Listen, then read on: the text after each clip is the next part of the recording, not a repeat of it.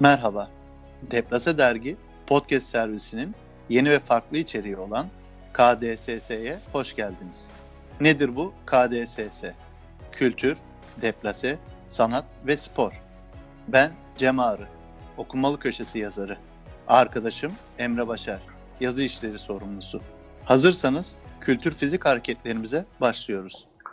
Herkese merhaba sevgili dinleyenler. Ben Emre Başar. Deplase Dergi yazı işleri sorumlusuyum. 23. sayımıza yaklaştığımız şu günlerde derginin ilk sayısından beri bir şekilde işin içindeyim.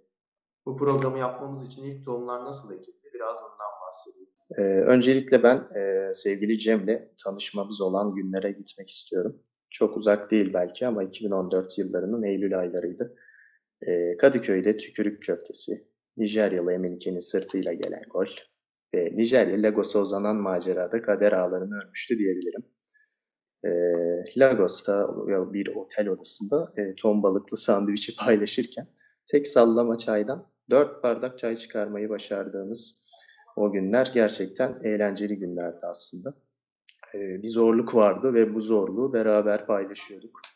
E, o, o esnada hatta bir Güney Kore filmi olan Madeo filmi bizleydi ve bu filmi herkes de izlemez e, belki ya da herkes çok büyük keyif alamazdı ama biz orada o keyfi almıştık.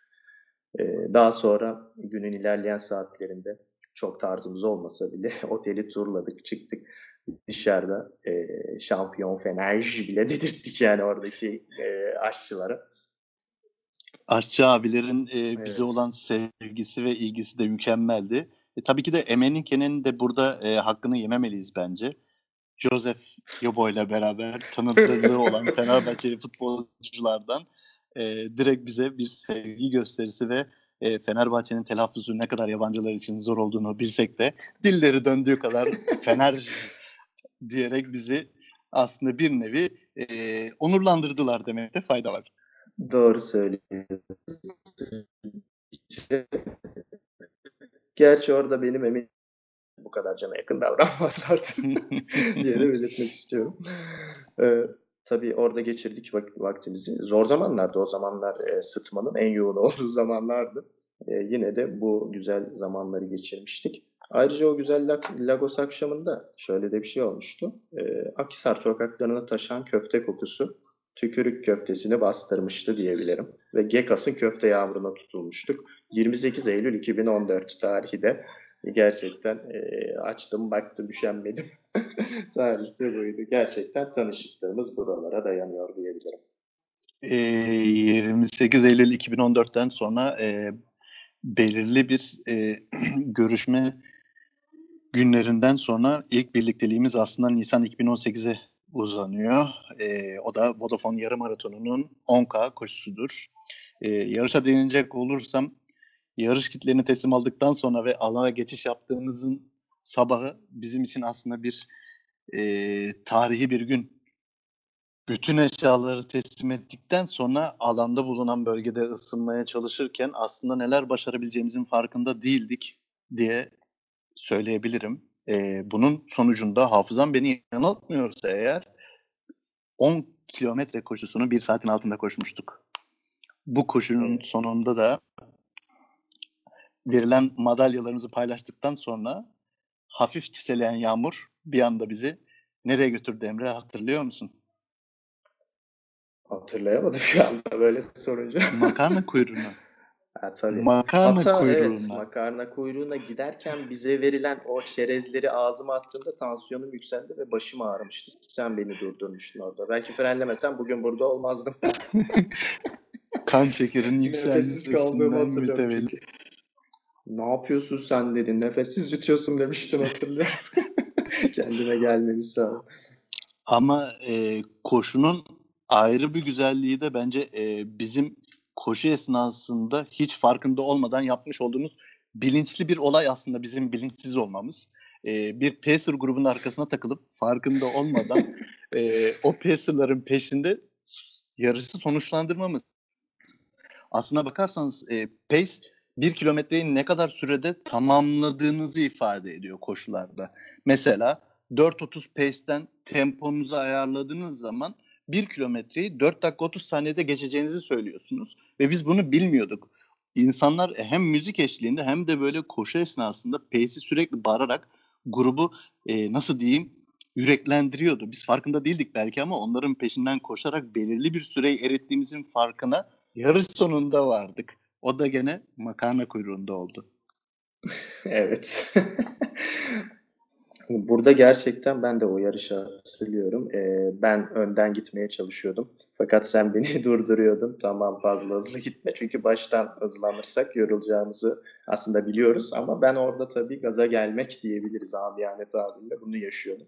Sen de orada beni frenliyordun. Yani baya baya senin beni frenlediğin bir yarış olmuş. Niye frenledin beni? Adrenalin patlaması yaşadığın evet, için evet. olabilir mi? Hiç. Şaka, şaka bir yana tabii ki. Teşekkür ediyorum buradan. Burada yüreklendirme konusuna değinecek olursak ben de hemen bir geçiş yapmak istiyorum eğer Cem sen de izin verirsen. Ben aslında ilk koşumu e, 2015'te gerçekleştirdim. Benim için bu ilk koşu olayı e, ta eskilere dayanıyor. Şöyle söyleyeyim, çok küçük yaşta ben spor yaparken futbol oynuyordum. O, o esnalarda bizim mahallenin muhtarı aynı zamanda bakkalıydı. O zamanlar bakkal kavramı var tabii mahallelerde. Neyse Metin abi çok hat iyi hatırlıyorum. Beni böyle spor yapıyor görürken ya istersen dedi seni Avrasya Maratonu'na yazdıralım yani dedi. Ben de yok tamam falan dedim işte. Ama orada bir aklımda kalmış. Avrasya Maratonu'na katılmak. Bu Avrasya'yı yani Asya yani kıta değiştirmek falan. Böyle bir yerleşmişti hani bu koşu olayına da sarınca. Ee, bu ilk koşuyu gerçekleştirdiğim zaman Büyükada koşusu e, Ekim ayındaydı. Kasım ayında da biliyorsunuz Avrasya Maratonu oluyor her sene. Büyükada koşusuna katılacağım zaman e, gerçekten ilk heyecan, müthiş bir heyecan olmuştu benim için. Şöyle söyleyeyim size, o sabah bir asker gibi saat 5 gibi kalkmıştım yanlış hatırlamıyorsam. Beylikdüzü'nde e, belli bir tabii antrenman çok yapamasam da tabii gerçekleştirmiştim. O antrenman e, akabinde de biraz okudum tabii, araştırma yaptım kendimce tabii yani. Burada zaten hiçbir şeyde profesyonel değiliz. Tamamen amatör yaptığım bir şeydi. Kaba uyandığımda ceviz, muz ve su. Sadece bunlarla devamını getirecektim. Başka hiçbir şey. Ama müthiş bir heyecan olduğunu hissediyorum. Sabahın o saatinde kalktım. Buradan çıktım, metrobüse bindim. Peki Emre bir şey sormak istiyorum. Tabii, Yarış öncesinde tabii. gidip alanı gördün mü? nerede koşacağını biliyor muydun yoksa tamamıyla Görmedim. doğaçlama Görmedim. mı oldu? Tamamıyla doğaçlama. Yani daha önce büyük adaya gitmişliğim vardı. E, bu koşuda adayı turlayacağız. Adanın çevresinde şeklinde belirtildiği için onu biliyordum. E, dedim nasıl olabilir? Ya aslında şöyle de düşün yani tabii ki dediğiniz gibi e, koşma kısmında bir yerde yarışa katılacaksan o bölgede koşmak bu da yazılıyor her yerde belirtiliyor. Ama ben onu yapmadım. Yani daha doğrusu şöyle e, bir heyecan daha fazla olsun istiyordum herhalde e, kendimce. O heyecanı yaşayayım dedim ve gerçekten de o heyecanı yaşadım. Gittim işte oradan hani metrobüs, e, taksi, oradan vapur bunun gibi e, aşamaları geçtim. Büyük bir heyecan. Yani o çipi ayakkabı bağıma nasıl bağlayacağımı bile bilmiyordum açıkçası. Ama bunlar çok hoş heyecanlardı. O zaman e, karşıya geçtim. Deniz. İnsanlar ama nasıl kalabalık o saatte. İşte insan yaşamayınca bunu bilemiyor aslında, göremiyor. Yani bir olayın içine girdiğiniz zaman onu anlıyorsunuz. Ben de orada o güzel duyguyu insanların bir arada olmasını ve bir şeyler paylaşmasını gördüm. Ve bunun da e, ancak sporla e, olacağını düşündüm. Gerçekten de güzel bir durumdu. Gittim. Zaten orada şöyle bir olay da yaşamıştım. E, çok sıkışmıştım ve üstümde de para yoktu. Senin dediğin gibi eşyaları tamamen teslim etmiştim ve e, işte tuvalete uğradığımda e, oradaki teyze tabii aç kurt gibi beni incelemişti. teyze dedim yani üstümde yok. Yarış bittikten sonra verebileceğim. Kusura bakmazsam ben giriyorum deyip işte işimi halletmiştim. Daha sonra yarışa başladım tabii. Orada o koşuyu ya gerçekleştirdiğimde e, yüreklendirmeden senden pas almıştım açıkçası az önce e, koşuya başladık. Yani çok büyük bir kalabalık. Önce yürüyerek başladık. Sonra koşarak devam ettik tabii. İnsanları izlemeye ve gözlemlemeye çalışıyorum. Ara sokaklardan geçerken bir tane beyefendi saksafonla A yoktu Tiger'ı çalıyordu. Yani bu zaten direkt o diye gaza geliyorsun orada. Müthiş bir yüreklendirme olayıydı benim düşünceme göre. Oradan devam ettim e, ve ilk yarış hani e, sadece etraftakiler ne yapıyorsa ben de onu yapmaya çalıştım. E, tamamen amatör bir şekilde. Ama baktım sonra hadi hadi yüreklendiriyor insanlar çevredekiler. Peki sana bir şey sormak istiyorum. Lafını böldüm ama e, estağfurullah. Koşu esnasında insanın gözlem yeteneğinin geliştiğini düşünüyor musun? Çünkü çok fazla e, etrafı görme imkanın oluyor ve insanların yüz ifadesinden attıkları adımın temposuna varana kadar gözlemliyorsun. İster istemez yani. Çünkü ilk olduğu için başkaları ne yapıyor düşüncesi aklından hiç çıkmıyor. Katılır mısın buna? Kesinlikle, kesinlikle katılırım. Yani o söylediklerin çok doğru.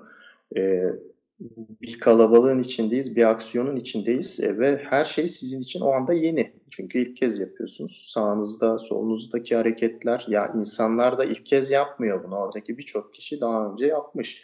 E, bunların yaptığı hareketleri gözlemledikçe e, yani hem hoşunuza gidiyor hem de kendinize pay çıkarıyorsunuz ve geliştiğinize inanıyorsunuz. Bu böyle. Ve şöyle bir durum da var tabii. Yürümek, yürüyüş yapmak da öyle e, mesela eski e, siyasi liderlerden Bülent Ecevit aa, önemli bir karar alacaksa öncesinde yürüyüş yaparmış eşiyle birlikte uzun uzun yürüyüşler yaparmış. Yani bu anlamda yürüyüş, koşu yani koştukça zaten insan böyle e, aklının daha iyi çalıştığını, bazı şeyleri daha iyi e, özümsediğini düşünüyor. Orada da ben bunu yaşamıştım açıkçası ve zaten manzara mükemmel. Manzaraya da dikkat ediyorsunuz. Hani zora girdiğinizde, nefesinizin tıkandığında bu bir saatlik süre belki ama o bir saat nasıl geçiyor? Çoğu insan için başka türlü geçiyor. Ama orada bizim için o koşuyu yapmak, bitirmek, yani devamını getirmek. Yani ben çünkü başladığım zaman asla durmayı sevmem. E, kimi insanlar duruyor, devam ediyor ya da yürüyüşe geçip tekrar koşuyor. Ben koşmaya başladıysam koşarak bitirmeliyim dedim. Yani çok kötü olursam yürürüm demiştim ama öyle bir şey yaşamadım neyse ki. Ve o koşuda e, çok şey öğrendim ama en önemlisi insanların birlikte olması ve bir köşede mesela e, o köşeye yanlış yola girmesin, girilmesin diye engel olan bir belediye çalışanı mesela sizi geçerken alkışlıyor. Yani ve siz ona çakıyorsunuz mesela. Yani bugünlerde yaşayamadığımız belki olaylar. insanların birbirlerine saygı duyması, onları görünce bir feyz alması, mutlu olması bence bunlar müthiş detaylar. Ve ben de orada onu yaşamıştım. Dedim ki devamını da getireceğim. Oradan da Avrasya'ya da geçmiştim. Evet. Buyur ben gene ufak bir e, ara Lütfen. istiyorum senden. Bir şey daha sormak istiyorum sana. Tabii. açıkçası koşarken insanların içinde bir dürtü ya da motiv oluşuyor. Başarabileceğini biliyor fakat belirli bir aşamadan sonra e, vücudun gitmemeye başlıyor. İster istemez de bu senin tökezlemene sebep oluyor ama içinden sürekli başarabileceğini tekrarladığın anda e, ensan, ensenden gelen bir sıcaklık hissediyorsun. Ondan sonraki bütün adrenalin seni o son dönemece ya da e, son düzlüğe kadar peşinde bırakmıyor. E, bunun hakkında düşüncen nedir? Yani yaşadın mı daha doğrusu böyle bir şey o ilk koşuşunda? Bu ee, sende bir e, etki bıraktı mı? Bunu da merak ediyorum ben. Evet, doğru söylüyorsun. Kesinlikle bu etki oluştu bende de. Zaten hatta her koşumda oluşuyor diyebilirim. Çünkü yani e, biz bu bir saatlik koşu, bir saat sürüyor mesela. Uzun mesafe koşusu tabii bizim için. Çok daha uzunları var ama onları henüz gerçekleştiremedik. Belki bir gün gerçekleştiririz. Yani bu uzun mesafe koşusu ve ilk kez yaparken gerçekten ben hani e, ne yapacağım? Yani orada işte insanın kendisi devreye giriyor. Kendinizle baş başasınız aslında. Etrafınızda büyük bir kalabalık var. Herkes bir şeyler başarıyor, yapıyor. Onlarla beraber siz de bir aksiyonun içindesiniz ama tamamen yalnızsınız. Ve buradan devam ederken e, insanlar değil de siz kendi içinizdekiyle, yani içinizle savaşıyorsunuz aslında.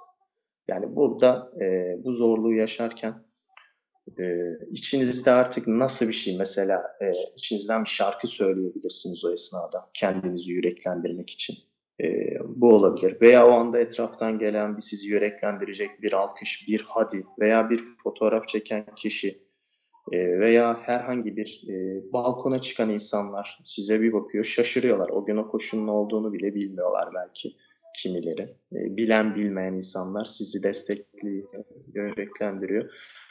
Ama insanın içinde tabii onu başarması gerekiyor. Yani dediğiniz gibi ayak bir yerde nefesiniz tükeniyor. E, durmak istiyorsunuz ama durmamalısınız. Bunu da biliyorsunuz. İşte o bir savaş. Kendi insanın kendiyle verdiği bir savaş. Bu anlamda e, az e, az bir süre önce izlediğim 100 Metros filmi var. Zaten Cem sen bunu önermiştin. En başta da bizim e, dergimizin genel yayın yönetmeni Tufan'a burada saygılarımızı ve sevgilerimizi hemen iletelim. Çünkü kendisi bana yıllar önce... Selamlarımızı yollayalım. Evet, evet. Kendisi bana yani bize yıllar önce söylemişti diyebiliriz bu filmi. Ben tabii o dönemler izleyememiştim. Ee, işte film olayı bir derya tabii ki. Her türlü film var izlememiz gereken. Belki çok e, bilmediğimiz ne filmler vardır hala ki var zaten. Ve o 100 Metros filmini ben izledim geçenlerde. Hani resmen ağlıyorum burada. Eşim ne yapıyorsun sen ya falan dedi ama izleseydi kendisi de kesin ağlayacaktı o esnada o izleyemiyordu ama. yani hmm. o film şimdi tabii evet öyle bir şey öyle bir hal e, hale getirdi ki bilenler bilir zaten bilmeyenler de kesinlikle izlesin. Çok da detay vermeyelim ama insanın kendiyle verdiği savaş hakkında yani inanılmaz ötesi bir hayat dersi ve bir o, savaşın içine girme olayıydı bence de. İzlerken duygularınıza zaten esir oluyorsunuz. Sizi kesinlikle kapana sıkıştırıyor ve ağlamadan filmi bitiremiyorsun. Yani e, son düzlükteki yaşanan hissiyat size tamamıyla e, geçiriliyor yani. O, o görüntü, o e, ailenin bekleme bölümü seni senden alıyor ve e, istemsizce kendini o insanın yerine koyuyorsun. Yani aslında e, bir nevi empati yapıyorsun ve e, bunun sonucunda da o gözyaşları akıyor. Yani engelleyemiyorsun. İster e, evet. istemsizce demek istiyorum yani başka bir açıklaması yok bunun. Ya zaten işte filmlerin e, bize verdiği olay bu. Sporun da bize verdiği olay bu. Bir anda bambaşka bir aleme giriyorsunuz, bambaşka bir dünyanın içine giriyorsunuz o süre boyunca. Ve insan da bu yüzden duygu patlaması yaşıyor. O olay bu yani aslında. Ve buna da ihtiyacımız var bu tarz şeylere. Bunları da bize sunan şeyler işte bunlar. Zaten bu yüzden buradayız. e, senden sonra biz bir ikinci birlikte e, Vodafone yarım maratonunda 10 kilometre daha koştuk.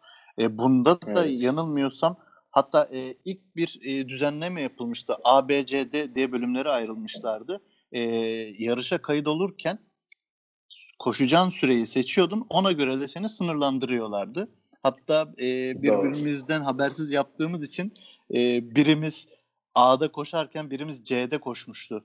Evet öyle bir şey olmuştu. Ha, harfleri şu an hatırlamıyorum ama e, bir, bir kayma olmuştu. Bir kayma olmuştu ama sonunda yine e, bir saatin altında koşarak beklentimizin evet, yine üstüne evet. çıkmıştık.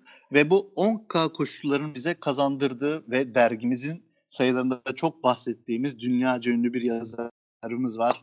Haruka Murakami. E, eserinde hatta e, ilk denemesi de söyleyebiliriz koşmasaydım yazamazdım. E, bu kitap içinizdeki koşuyu harekete geçirip sizi ve sizin gibilerin neler başarabileceğini gösterdiği, göstermesi için yazılmış bir kitap olarak düşünüyorum ben Emre. Sen ne düşünüyorsun?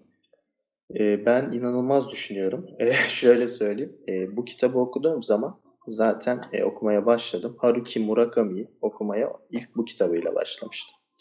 E, o da işte bir 5-6 yıl önceye dayanıyor yanlış hatırlamıyorsam.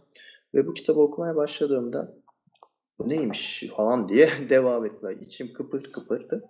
Ve e, onu okurken 50. sayfa falan geldiğinde notlar falan almaya başlamıştım. Hayata dair o kadar güzel cümleler, o kadar güzel bakış açıları sunmuştu ki e, gerçekten bu neymiş diyerek e, o gün aslında Haruki Murakami'yi hayatımın merkezine yerleştireceğimi biliyordum herhalde.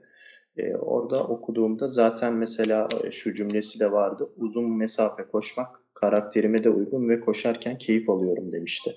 Gerçekten bunu ben de düşünürüm. E, buradan hani e, kendi babam da mesela bu tarz bir bakış açısına sahip. Zamanında e, eğer e, imkanımız olsaydı ben uzun mesafe koşucusu olmak isterdim. Çünkü o karakterim var diyordu. E, ki kendisinin de daha önce yazın gittiğimiz yerlerde uzun mesafe koştuğunu bilirim. Kendisiyle sahilde, denizde falan koştuğumuzu bilirim. Ee, yani aslında spor içimizde vardı ama Haruki Murakami'yi okuyunca bu koşma olayı e, kendisinin nerelerde koştuğunu falan görüyorsunuz. Gerçekten adam e, zaten şöyle ben daha sonra 16 ya 16 tane irili ufaklı kitabını okudum. E, en son okuduğum mesleğim yazarlık kitabında da belirtiyor. Yaklaşık e, 60 küsür yaşında şu anda. 40 yıldır her gün koştuğunu söylüyor adam. Hani bir ikidir belki diyor.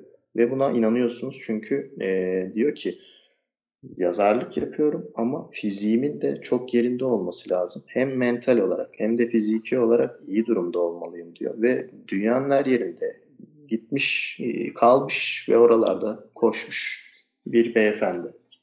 Yanılmıyorsam e, New York'ta yaşıyor ve bulunduğu bölgedeki bahçelerde, parklarda e, koşularını sürdürüyor. Hatta e, kitabının bir bölümünde e, koşu için Yunanistan'a geldi. Evet. Bilgisi maraton. de vardı yanıl, yanılmıyorsam. Tabii. Zaten maraton e, dediğimiz olay oradan geliyor. Maraton ovasından gelen bir hikayeyi herkes biliyordur zaten. Ve o bölgede kendisi geçip koşuyor. Ve o bölgeyi size öyle bir yansıtıyor ki ya keşke ben de şu anda orada olsam ve bu şekilde koşabilsem diyorsunuz. Ve o içindeki iste az önce söyledin ya insanın koşarken kendi içindeki savaş ya da içinde yaşadıkları, düşündükleri bunları öyle güzel yansıtıyor ki hani şu kitabı okuduğu zaman insan gerçekten e, bu düşünceleri vakıf oluyor. O yüzden ben herkese öneririm. E, bu kitabı gerçekten okumak gerekiyor. E, o yüzden dediğin gibi Boston'da da koşuyor kendisi. Boston Maratonu'na katılıyor. Yani her yerde gidiyor, katılıyor, koşuyor. E, bu konuda hatta senin düşüncelerin vardı. Söyleyeceklerim vardı. Sen bahset istersen. Murakami'nin bende bırakmış olduğu kitabıyla beraber bir iz var. Nasıl bir iz var? Ee, gördüğünü anlatış şekli çok önemli.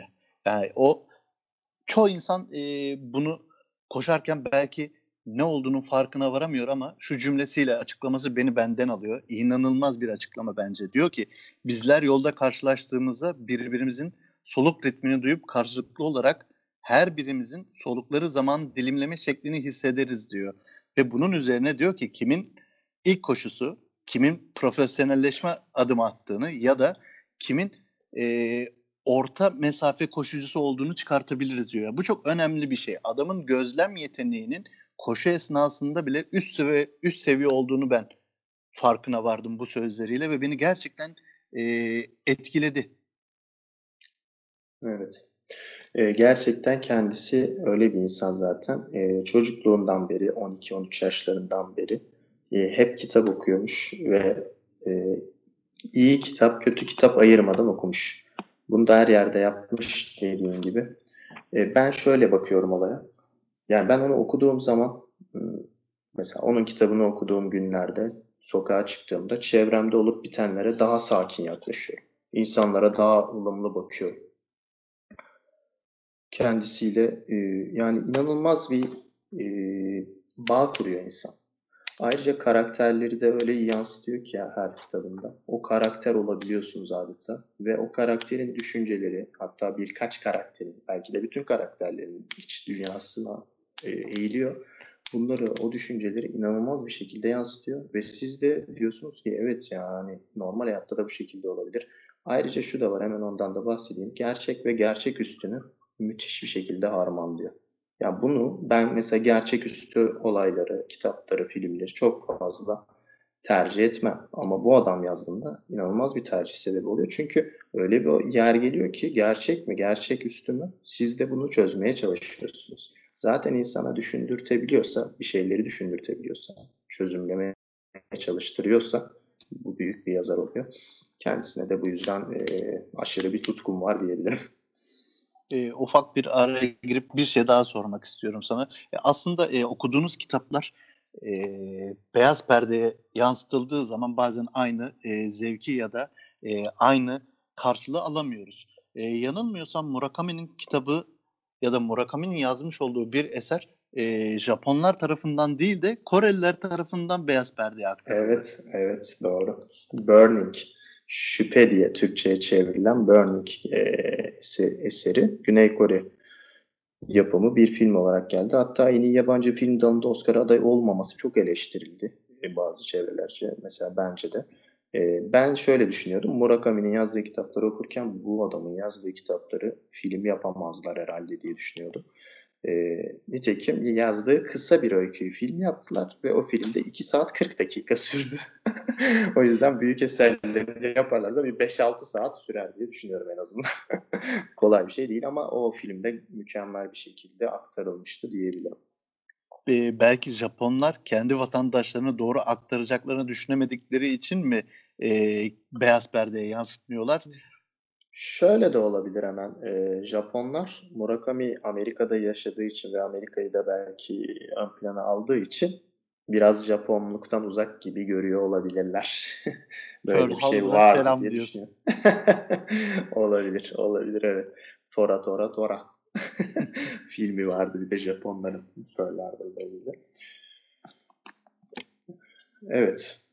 Ee, yavaştan ilk yavaş, programımızın yavaş. son anlarına Sona gelmeye başlıyoruz. evet. E, Gerçekten zaman su gibi aktı. Bizim için aslında e, ilk programın önemi çok büyük. E, büyük bir cesaret örneği gösteriyoruz demekte fayda var. Çünkü e, evet, büyük bir böyle, heyecan var. E, ilk defa yapılan bir e, program ve bizlerin de profesyonel olmadığımız aşikar ve elimizden gelen en iyisini yapmaya çalışıyoruz. Sonuçta e, kültür, deplase, sanat ve sporu bir e, başlık altında toplayıp sizlere farklı bir e, e, yolculuğa çıkartmak istiyoruz. E, arzu ederseniz ilk programımızın son konuşmasını Emre'ye bırakalım ve bize neler söylemek istersin? Teşekkür ederim Cem. Ben de e, buradan sana öncelikle teşekkür ediyorum. Dediklerin doğru. Çok büyük bir heyecanla ilk kez yaptığımız bir şey. Bu da çok net anlaşılmıştır. Bizi dinleyecek insanlar olursa, arkadaşlar olursa onlara da selam ve saygılarımızı iletiyoruz. E, bize anlayışla karşılasınlar yanlış bir şey yaptıysak da. Ve buradan bize böyle bir e, yola, bizi böyle bir yola sevk ettiği için Deplese Dergi Genel Yayın Yönetmenimiz Tufan Karayel'e de tekrar sevgilerimizi iletiyorum e, teşekkür ediyorum. Kapanışı da o zaman e, yine Murakami'nin Haşlanmış Harikalar Diyarı ve Dünyanın Sonu kitabıyla, kitabından bir alıntıyla yapmak istiyorum. Işık yaşam sahnesini sadece bir an, belki birkaç saniye aydınlatıyor. Bu saniyeler geçince o andaki bildiriyi yakalayamadıysan eğer ikinci bir olanak verilmiyor sana. Hepinizin o bildiriyi yakalaması dileğiyle diyerek teşekkür ediyorum. Teşekkürler. E, haftaya görüşmek üzere.